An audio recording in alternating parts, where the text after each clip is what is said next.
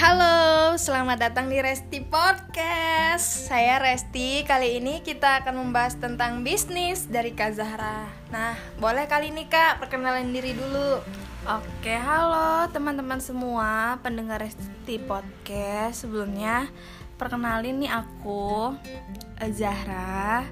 Di sini eh, ngerasa beruntung banget dikasih kesempatan buat bisa berbagi cerita di podcast. Sebelumnya Kak, ini eh, Kakak sendiri itu bisnis apa ya? Gimana?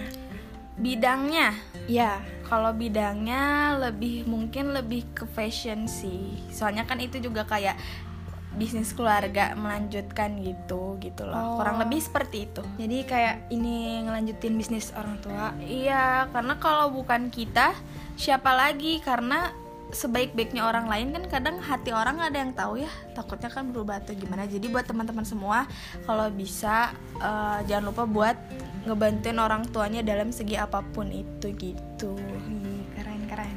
Eh, eh, selain ini ngelanjutin bisnis orang tua, kakak punya bisnis sendiri nggak sih kak? paling sambil belajar-belajar aja sih tapi maksudnya yang lebih difokusin ke situ Eh, karena kan maksudnya eh, kalau pure bener-bener ngerintis sendiri dari nol sih sebenarnya belum. Karena kan masih kuliah juga nih aku buat yang nggak tahu. Jadi kayak biar daripada banyak banget kesibukan nantinya keteteran jadi mencoba untuk eh, mencoba untuk fokus di beberapa hal aja gitu biar manajemen waktunya pun nggak terlalu sulit Oh, kalau ini kan sambil kuliah nih kak, gimana sih kak Hmm. cara kakak ini ngebagiin waktunya sambil bisnis, sambil kuliah gitu? Keganggu nggak sih kak kuliahnya? Kalau bilang nggak keganggu sama sekali bohong ya. Karena pasti ada aja keganggu keganggu mah cuman mungkin karena pandemi kayak gini eh, ada plus ada minusnya nih kalau pandemi. Kalau karena pandemi kan kuliah online. Istilahnya tuh lebih santai aja. Karena pas kita sambil kuliah ngedengerin zoom itu kita bisa sambil ngelakuin banyak hal. Kayak gitu. Kayak gitu sih. Tapi kan maksudnya dibantu juga sama eh, yang lain. Ada orang tua dan ada beberapa karyawan gitu. Jadi gak bener-bener pure sendirian jadi masih oke lah Oke kak.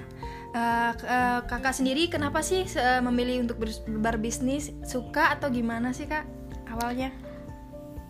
awalnya tuh karena sebenarnya aku di lingkungan circle keluarga kan hampir banyakannya tuh bisnis jadi kayak memang dari kecil tuh secara nggak langsung memang udah diperkenalkan sama dunia itu gitu dan terus juga kan kayaknya ada yang bilang kalau misalkan mau banyak uang mau berpenghasilan besar jangan jadi karyawan. Karena kalau jadi karyawan kan per bulan tuh kadang gajinya tok ya segitu-gitu Iya, aja. Tapi kalau kayak berbisnis itu mengusahakan penghasilannya sebenarnya nggak tentu tapi Iya, kan eh, bisa melebihi dari eh, UMR dan segala macam cuman ya tetap aja resikonya pasti ada terus kebetulan juga kuliah bisnis juga jadi kayak sambil menerapkan teori yang di tempat kuliah lah gitu sedikit sedikit sambil belajar.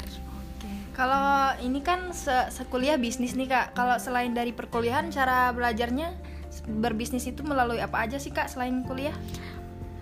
Dari orang tua sih dari pengalaman orang tua eh, maksudnya sharing aja kalau misalkan ada problem ini itu itu tuh harus seperti apa kayak gitu sih.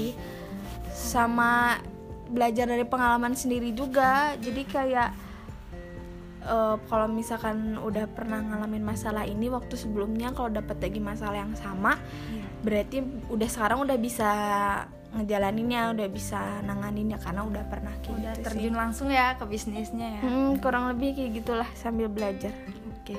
Awal mula bisnisnya itu eh, sejak kapan sih kak? kalau yang bisnis ini kan lanjutan bisnis keluarga Iya. sebenarnya udah lama banget dari sebelum aku kecil eh sebelum aku lahir dari waktu aku masih kecil pun sebenarnya udah ada cuman karena eh, kebetulan aku bis aku kuliah bisnis terus juga kan udah udah gede juga nih umurnya. Jadi eh, sama keluarga tuh disuruh ngelanjutin gitu untuk memperkenalkan aja gitu. Saya kan orang tua juga mungkin agak pengen santai kan sekarang sekarang kayak gitu. Cuman kalau misalkan eh, dari dulu mah lumayan udah agak lama sih. Oke. Terus ke alasan kakak memilih untuk eh, ngelanjutin bisnis orang tua, kenapa? Kenapa nggak bis- bis- bikin bisnis sendiri gitu? karena pertama eh aku anak kuliah nih Iya. dananya juga belum punya yang gede untuk memulai suatu bisnis sendiri dari nol Iya iya. terus sama belum terlalu berani buat ngambil resiko Oh iya. sebenarnya itu sebenarnya nggak boleh sih karena kadang sebagai pengusaha itu kan harus berani ambil eh, risiko ya. harus ngambil resiko kadang katanya rugi di awal mah nggak apa-apa tapi mungkin mental aku belum nyampe ke sana maksudnya kalau rugi di awal-awal tuh takutnya down ke sananya jadi mager males kayak gitu jadi ya udahlah sambil ngelanjutin kuliah sambil teorinya dulu dipahamin ya udah sambil ngebantu bantuin keluarga kayak gitu karena jujur tuh kalau ngedengar kata rugi dan resiko-resiko lainnya belum siap aja mungkin ke depannya mungkin bisa insya Allah doain aja Oke kak, amin. Semoga yang terbaik ya kak. amin Eh, terus kenapa alasan kakak memilih untuk eh, bisnis di bidang fashion? Alasan keluarganya mendirikan. dulu tuh dulu tuh awal-awal karena gini dasarnya kan kita kita tuh pada suka shopping nih. Hmm. mungkin ibarat katanya gini kalau ada orang yang suka masak dia bisnisnya di dunia kuliner. Jadi kayak dia hobi dia tuh menghasilkan uang. Iya iya. kayak gitu. Sama aja kayak kita kita yang suka banget di shopping jadi belanja milih baju buat dijual lagi sekalian sama milih baju buat kita. Milih sendiri ya, Eh, jadi kita tuh kayak research misalkan ngebuka e-commerce model-model yang lagi tren tuh apa kan bisa sekalian buat Buat diri sendiri. Iya, bisa kalian buat diri sendiri. Jadi kayak menyelam minum air lah kayak gitu. Jadi eh, ngelakuinnya juga nggak berat-berat banget kalau misalkan pada dasarnya Kita suka hmm, emang. kita udah happy ngejalaninnya. Benar. Terus bisnis ini melibatkan siapa aja sih kak? Ada banyak karyawan atau gimana? Kalau dulu sebelum corona lumayan agak banyak sebenarnya. Cuman gara-gara corona eh, kita nggak bisa bohong, udah pasti ada efeknya lah gara-gara corona ini. Iya. Pemasukan pun gitu karena kan yang belanja pun kebanyakan tuh lebih mintengi lebih mementingkan perut kayaknya untuk sekarang benar, lebih benar. kayak mikirin beli beras ketimbang Iya, untuk iya. beli baju prioritasnya udah berbeda terus juga banyak banget karyawan-karyawan yang di PHK juga dari iya. dari dari pabrik-pabrik dan segala macam itu lumayan cukup berdampak jadi semenjak pandemi eh, karyawan dikurangin gitu sih Oke, berarti kalau berarti ini bisnisnya terkena dampak pandemi ya kak? Gimana sih bisnisnya ini strateginya dalam menangani kasus eh, pandemi ini kan? Lumayan cukup berdampak apalagi untuk eh, di Bandung kan kita sempat PSBB PSBB kan. Dan yang awalnya toko tuh buka misalkan dari jam 6 sampai jam 6 lagi. Tapi karena PSBB tuh sempet yang cuma dibolehin dari jam 12 siang sampai jam 4 sore. Oh itu lumayan banget kan pemangkasan waktunya paling eh, strateginya kita itu nggak terlalu nyetok barang banyak karena takut penumpukan apalagi kan fashion itu kan dinamis ya Iya. nggak ngestak di situ-situ aja Iya. jadi kalau misalkan ngestok terlalu banyak apalagi modelnya itu itu aja tuh eh, takutnya merugi jadi kita lebih mengontrol stok nggak terlalu banyak terus setelah itu juga eh, kayak tadi pemangkasan karyawan Oh, kita iya. juga memen- memikirkan ke arah sana sama sama online sih jadi nge-share nge-share juga kayak di eh, online kayak di status WA yang kayak gitu-gitu gimana aja sih caranya muter otak gitu biar biar masih jalan kayak gitu Oke kak. Berarti ini kalau strategi marketing bisnisnya itu melalui apa saja sih kak? Selain tadi kan online gitu. dari teman ke teman juga misalkan eh, kayak nawarin dari teman ke teman terus kayak ngasih apa sih kayak ngasih diskon promo kayak gitu-gitu sama kayak menawarkan sesuatu yang beda aja sih dari yang lain Oke. Bisnis ini pasang target nggak sih kak untuk penjualannya gitu?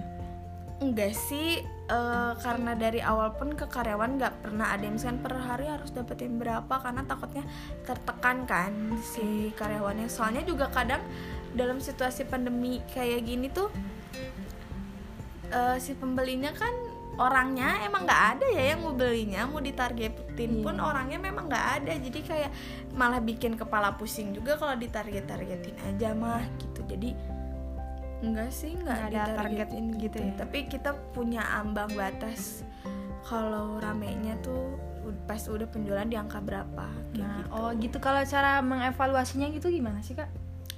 Paling kan kita jadi tokonya kan sebenarnya nggak hanya satu ya. Ada ada beberapa juga. Terus ada ada toko misalkan punya kita tapi kita kontrakin ke orang nggak kita buka. Nah paling kayak eh ini loh kayak subsidi silang aja gitu. Misalnya kalau dari uang penjualan nggak ketutup buat biaya sehari-hari tapi kan kita ada income dari kontrakan toko juga income dari yang lain. Terus kayak pendapatan per hari atau per bulannya paling ditambah-tambahin aja terus diakumulasiin sama modalnya tuh berapa kayak gitu Oke. pembukuan yang ada pembukuannya juga kan Iya iya. jadi eh tapi bukan pembukuan yang ribet atau kayak gimana juga sih Iya, iya. simpel-simpel aja yang jelas kita tahu kayak modal kita berapa pendapatan kita berapa untungnya berapa gitu jangan sampai loss juga kayak yang pendapatan sama modal tuh sama aja kan kayak ngapain gitu Iya, itu benar. mah bukan bisnis namanya kan merugi ya iya, ngapain bisnis gitu belum bayar listrik makan Benar. sehari-hari jadi nggak ada gitu Iya. Terus bicara soal karyawan nih kak, eh, gimana sih kalau cara merekrut karyawan di bisnis ini kak? sebenarnya nggak kalau di kita tuh belum pernah yang namanya nge-hire yang dengan cara kayak nge-share pamflet dibutuhkan. Kan banyak tuh ya di Iya. IG IG itu tuh nggak pernah kayak gitu-gitu. Karena kebetulan tuh paling eh, kalau karyawan di kita itu yang masih satu daerah sama kebetulan sama nenek aku. Jadi kan nenek aku di Garut. Iya iya. itu kan emang lingkungannya kampung gitu. Jadi kayak masih banyak kayak ta- tetangganya nenek aku yang ngebutuhin kerja dan segala macem. Nah biasanya kerjanya tuh di kita. Jadi bukan orang luar yang kita nggak kenal sama sekali jadi biasanya masih satu kampung jadi kita tahu bapaknya siapa mamanya siapa yang namanya tetangga Iya, pasti iya, iya. tahu dong jadi kalau ada apa-apa tuh Dikenalin gitu ya nanti jadi karyawan. Iya, jadi kalau misalkan dia melakukan kesalahan pun juga kita tahu silsilah keluarganya. Iya, Jadi kita lebih percaya apalagi karyawan di kita itu memang tinggal di kita, di rumah. Oh, tinggal di rumah. Iya, emang jadi tinggal di rumah gitu. Makanya kenapa nggak meng-hire orang dari luar sembarangan karena tinggal sama kita. Jadi kayak dianggap keluarga juga kayak gitu dan kita nggak nge-hire laki-laki. Oh, jadi cuma perempuan, aja. semua karyawannya. Iya, karena kan karena kalau kan kita punya satu eh, tempat khusus karyawan gitu. Kalau ada laki-laki kan jadinya kita harus punya tempat misah lagi. Oh iya. Jadi, itu kan eh, ini lagi tempat beda lagi. Heeh, gitu kita ya? harus menyedi- menyediakan lagi. Jadi sama kalau laki-laki tuh eh, kebutuhannya kadang lebih banyak ketimbang perempuan. Apalagi misalkan dia punya pacar atau punya istri pasti lebih lebih banyak kebutuhannya. Jadi untuk sampai saat ini dari awal tuh nggak pernah punya pegawai laki-laki paling kayak cuman om itu pun kayak ngebantu sesekali tapi kalau bener-bener karyawan mah nggak ada sih Selain itu tadi kan pasti ada nih kriteria karyawan yang perlu eh, diterima tuh harus yang kayak gini-gini. Apa sih kak nilai-nilai yang harus ada di karyawan tersebut? kalau untuk pendidikan mah nggak ada yang misalkan harus S1 harus kayak gimana nggak setinggi itu sebenarnya Iya. asalkan basic aja bisa ngitung Bisa matematika kayak gitu ya harus lah ya. Benar. sama pinter ngomong jangan sampai yang pendiam banget. Karena yang namanya mereka kan akan bersinggungan banget sama yang namanya eh, pelanggan. Kalau diem doang mereka gimana caranya mereka ngebujuk pelanggan supaya pelanggannya mau beli kan? Atau nggak mempertahankan pelanggan itu sendiri gitu. Jadi harus minimal harus bisa ngomong juga gitu. Sama jujur sih lebih ke attitude kayak Itu gitu benar attitude nomor satu ya. Mm, attitude nomor satu mau pinter segimanapun juga kalau misalkan attitude-nya jelek mah ya nggak akan lama juga sih kerjanya kayak gitu jadi lebih ke arah sana kalau masalah fisik tinggi yang kayak gitu-gitu nggak ada sih Nggak. soalnya kita bukan cari model Iya. jadi karyawan. iya karyawan ya biasa aja karyawan kayak gitu gitu Iya. jadi nggak yang kriterianya kayak gimana toh juga kan rata-rata kan kayak yang tadi aku bilang kan Iya. mereka kan dari Garut ya Iya. domisilinya gitu jadi kayak istilahnya kayak em, kampung yang memang gak nyari yang kayak gimana gimana kalau nyari yang kayak gitu pasti di kota Iya kayak benar gitu Terus kak selama ini pernah ngalamin konflik internal nggak sih sama orang tua atau eksternal sama karyawan-karyawannya? Terus gimana sih cara ngatasinya? kalau sama ka- orang tua mengenai bisnis sebenarnya belum pernah sih karena eh, alhamdulillahnya masih lancar-lancar aja. Kalau sama karyawan itu eh, pernah tapi nggak sering. Ya. cuman pernah paling masalah kejujuran tadi. Misalkan dia tuh ngejual barang tapi uangnya nggak disetor kayak gitu. Kayak gitu-gitu sih. Paling kayak dikasih peringatan. Tapi kita tuh nggak yang langsung mecat langsung mecat gitu loh. Kadang kita ngasih kesem dulu baik-baik. Mm-mm. Nggak pernah juga sampai yang bawa-bawa polisi kayak gitu nggak pernah walaupun sebenarnya eh, aku punya om juga polisi tapi kayak yang Iya. karena masih tetangga nenek jadi kayak masih mikir lagi kerabat jadi toleransinya lebih besar paling eh, dikasih peringatan dulu mungkin kalau di perusahaan namanya SP kali Iya, ya iya. terus kalau misalkan udah ngelakuin lagi baru deh itu Dilanjut. baru di ya, baru paling dipecat aja sih kayak gitu tapi kasus-kasus kayak gitu sedikit banget. Rata-rata tuh nggak ada sih. Rata-rata awet. Makan aku tuh punya karyawan yang udah kerja di aku tuh selama hampir berapa ya berarti? Hampir eh, 17 tahun. Wah lama banget ya. ya lama banget. Itu dari aku TK Ya ampun. Oh dari aku umur 5 tahun. Aku kan sekarang udah 2021 Aku Iya. udah eh, 21 tahun kan udah 2021 Terus dia tuh udah sekitar sekitar 16-17 tahun kerja Dan awalnya kan tinggal di rumah Iya. Cuman a- jadi aku juga punya rumah samping rumah Oh, Awalnya oke. tuh mau disatuin gitu loh si rumahnya Si Iya. temboknya mau dibobol gitu Soalnya rumah yang samping rumahnya awalnya mau disatuin Iya. tapi karena eh, si karyawan aku ini karena udah lama kerja di mama aku terus juga eh, dia sempat nikah dia sempat nikah kan Iya. Jadi ya udahlah daripada mama aku mikirnya gini kan dia udah loyal banget nih kerja udah lama banget. Iya. dia juga udah ngehandle satu toko punya mama aku jadi dia kayak udah dikasih kepercayaan gitu loh ngehandle satu toko. Jadi toko itu yang dipegang sama dia itu udah gak terlalu diurusin sama mama aku mama aku paling ngisi barangnya aja belanja segala macam tapi kayak masukan dan segala macamnya memang udah pure diurusin sama dia langganan pun udah banyak yang dipegang sama dia Oke. ya misalnya kayak udah belasan tahun Iya. gitu ya pasti orang-orang udah Udah kenalnya sama dia. ya? Heeh, udah kenalnya sama dia walaupun tahu itu toko kita karena kan ada brand di paper bagnya, di Iya. kreseknya lah istilahnya gitu. Terus waktu itu dia sempat nikah, sempat juga ngontrak di rumah lain tapi kayak ngerasa kasihan juga kan harus bayar kontrakan per bulan. Ya udah deh, tinggal di rumah kita yang di samping Oh, yang di samping. yang di samping rumah jadi si rumah itu tuh nggak jadi dibobol disatuin sama rumah Hmm. kita jadi biarin aja terpisah gitu tapi samping-sampingan banget masih setembok kayak gitu soalnya eh, itu salah satu bentuk appreciate appreciate ke dia gitu Oke. ke karyawan Udah, lama juga ya. Kayak gitu soalnya kan sebenarnya nyari karyawan itu kayak atau nggak nyari kerja itu kan cocok-cocokan ya kayak nyari jodoh gitu Bener. kadang eh, tapi rata-rata alhamdulillah kalau karyawan itu lama-lama sih Lama. mereka kadang berhenti karena nikah dan dibawa suaminya Oh. jarang banget yang kayak berhenti terus pindah kerja ke orang lain tuh jarang Iya, iya. jadi kayak yang sekarang lagi kerja aja tuh sekarang lagi otw lima tahun udah kerja Wih, udah lama-lama semua ya? Iya, udah lama-lama semua. Jadi eh, memang eh, udah pada loyal juga sih kayak gitu. Iya. Paling itu juga kayaknya bentar lagi katanya mau nikah. Paling yang keluar Ya kata mau nikah karena mau nikah itu. Iya. Gitu.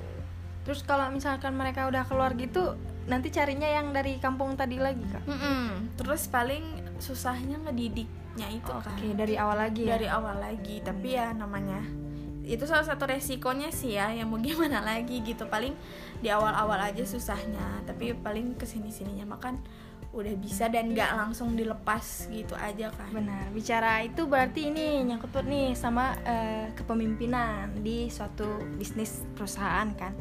Ke secara nggak langsung eh, kamu juga bisa jadi leader kan di bisnis kamu. Nah itu gimana sih cara kamu ngedidik karyawan-karyawan kamu gimana? Nah awalnya gini sebenarnya barang di toko itu tuh gak semuanya dibanderol gitu loh. Jadi cuman ada kode. Oke. Jadi paling cara ngedidiknya itu mereka dikasih tahu sih cara ngebaca kode itu tuh kayak gimana soalnya kodenya nggak yang gampang gitu loh. Kalau gampang kan nanti Orang-orang tahu ya. Ini orang-orang tahu harganya. orang-orang tahu kayak eh, modalnya berapa segala macam makanya paling ngedidiknya itu ngedidiknya tuh itu jadi kayak memperkenalkan kodenya kayak gimana cara membaca kodenya seperti apa terus cara melayaninya seperti apa sama beres-beres si tokonya sih penempatan baju barang kayak gitu gitunya tuh seperti apa kayak gitu awal-awal ngedidiknya paling kayak gitu-gitu aja sih Pernah nggak sih kak karyawannya nggak cocok gitu, terus dia keluar sendiri? Pernah kayak alasan dia kayak kangen rumah kayak Oh, gitu gitu jadi rata-rata iya rata-rata gitu sih kangen rumah kayak gitu pernah juga ada yang kan tinggal di rumah nih Hmm. tiba-tiba pergi aja gitu kayak kabur Ih, tanpa pamit gitu nah kan? tanpa pamit ya udah jadi waktu itu tuh di rumah kan memang ada yang ngebantu-bantu di rumah Iya. Eh, terus yang ngebantu-bantu di rumah itu mau memang mau mudik ke daerahnya ke Oke. Garut. Terus tiba-tiba si orang ini yang di toko ini malah ikut juga tanpa pamit gitu loh. Cuman ya udahlah gitu. Terus eh, ini cara penyelesaiannya nggak dihubungin lagi gitu kan? dihubungin lah ditanyain Iya. maksudnya mau gimana? Terus katanya memang mau berhenti aja resign. Ya udah cari lagi kayak gitu. Tapi nggak dipermasalahin sih.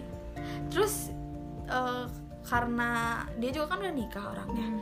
tapi karena bulan puasa kadang kan kita butuh tambahan karyawan kan Bener. bulan puasa kita pakai lagi orang itu Oh, tapi dia nggak- mau? mau tapi nggak tinggal di rumah karena dia udah punya suami tinggal sama suaminya jadi Oh, iya, iya. kerjanya kan cuma sebulan pas bulan puasa aja Oh. kalau hari-hari biasa enggak saya dia juga udah punya Keluarga. anak heeh. jadi mungkin prioritasnya udah lain kalau cuma bulan puasa kan istilahnya Bisa lah gitu. bentar kan Iya. cuma sebulan aja gitu. Terus rencana ke depannya untuk bisnis kakak ada nggak itu inovasi baru buat bisnis kakak gitu? selama ini kan kita ngejual barang jadi Iya. brand orang Hmm. paling pengennya sih mencoba memberanikan diri untuk eh, buka brand sendiri gitu loh tapi Oh. mas tapi masih dalam tahap research karena eh, kalau untuk ke tahap punya konveksi sendiri dan penjahit sendiri itu pasti agak sulit karena modalnya pasti gede apalagi di masa pandemi kayak gini tuh kayaknya eh, terlalu beresiko Iya. iya. karena eh, belum tentu juga akan menghasilkan karena ini kan awalan banget paling kita pengennya buka brand sendiri tapi sistemnya maklun apa tuh gimana? maklun tuh kayak konveksinya konveksi orang lain dia Iya. yang punya mesin tapi kita yang punya konsep modelnya kita yang punya kainnya jadi kita kasih kain dan modelnya ke si konveksi itu Oh, jadi beda ya ini ke- si konveksi punya orang lain tapi semuanya kita kasih ke sini nanti baru jadi brand kita sendiri. gitu. Mm, kayak gitu cuman kurangnya itu kekurangannya itu kadang ada biayanya jadi per pieces gitu biaya jahitnya gitu loh kalau ngemaklon itu kalau punya konveksi kita sendiri kan enggak dong Iya. tapi kita harus beli alat harus nyari tukang jahit kadang Benar. sekarang aja tuh nyari tukang jahit tuh susah Susah.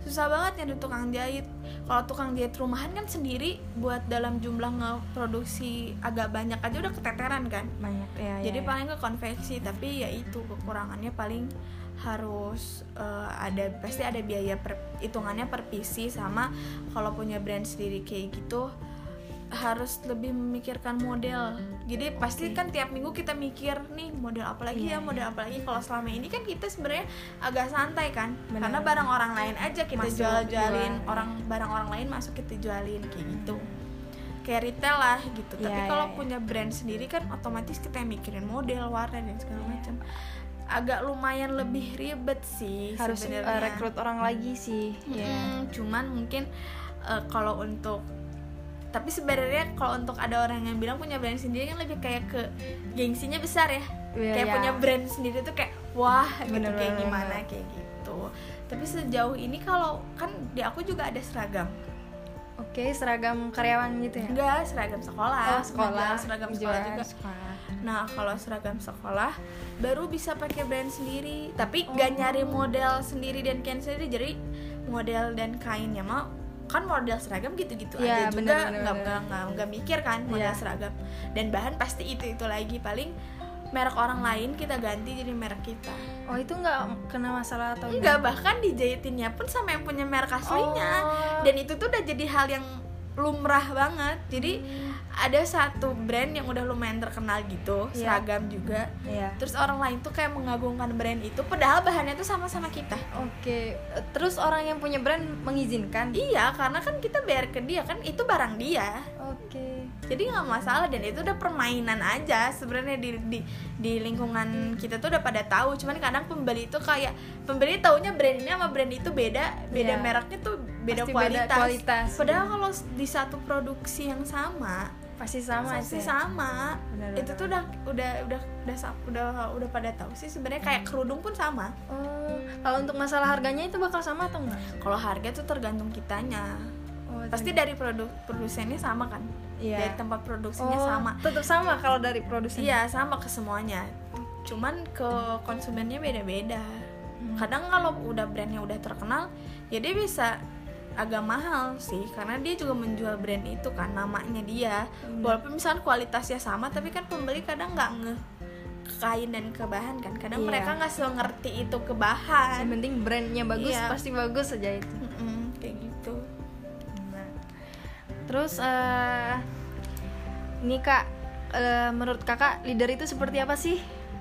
Eh, dari seorang pebisnis, Leader ya, bukan Iya. bukan bos ya. ya leader, pemimpin. kalau menurut aku sebenarnya eh kalau tegas-tegas banget itu kadang si karyawan tuh susah menjadi dirinya sendiri Ya. gitu ujung-ujungnya kadang mereka kan ngomongin kita di belakang atau gimana cuman kalau kitanya terlalu lembek pun mereka suka kadang ada yang ya. Nah, jadi sebenarnya kadang serba salah sih kayak buah si malakama lagi gitu. Jadinya paling kita menempatkan diri kita di momen-momen tertentu. Kalau misalkan kitanya harus have fun kitanya harus eh, menjadikan diri kita sebagai teman mereka ya udah jadi teman aja. Misalnya bisa buat cerita-cerita bisa buat bercanda gitu. Apalagi misalkan kan kita gak hanya gak hanya kerja kan. Kalau misalkan salah satu dari keluarga inti misalkan Iya. Eh, aku atau adik aku ada yang ulang tahun dan misalkan ada acara makan-makan itu semua karyawan juga diajak Oh, iya. semuanya misalkan main nih kayak eh, berenang atau kayak gimana semuanya diajak momen-momen kayak gitu kan gak mungkin tegas kan karena Bener, itu bener. di luar pekerjaan dan memang lagi have fun aja Benar. nah di momen-momen kayak gitu ya udah biasa aja jadi kayak teman aja cuman mungkin kalau di tempat-tempat lain di momen-momen kerjaan apalagi dia melakukan kesalahan baru tegas kayak gitu biar ada rasa segan gitu sih Oke. Kalau me- orang tua gimana tuh kepemimpinannya menurut kakak? sama itu yang aku ceritain pun Iya. juga aku dapat cerminan dari Orang orang, tua. tua. gitu sih makanya eh, banyak karyawan aku yang betah kan Oh, yang gitu. lama juga karena mungkin karena sistem kepemimpinan dari orang tua aku kayak gitu loh dan gak terlalu suka memperibet suatu masalah gitu loh jadi kalau udah di clear di hari itu ya udah jadi besok besokannya tuh nggak Jangan ada lagi masalah yang baru. Hmm, dan Iya. gak terlalu ngungkit-ngungkit Iya. hal-hal yang udah-udah itu kan jadinya capek banget kan Iya, iya. kayak gitu sih Oke.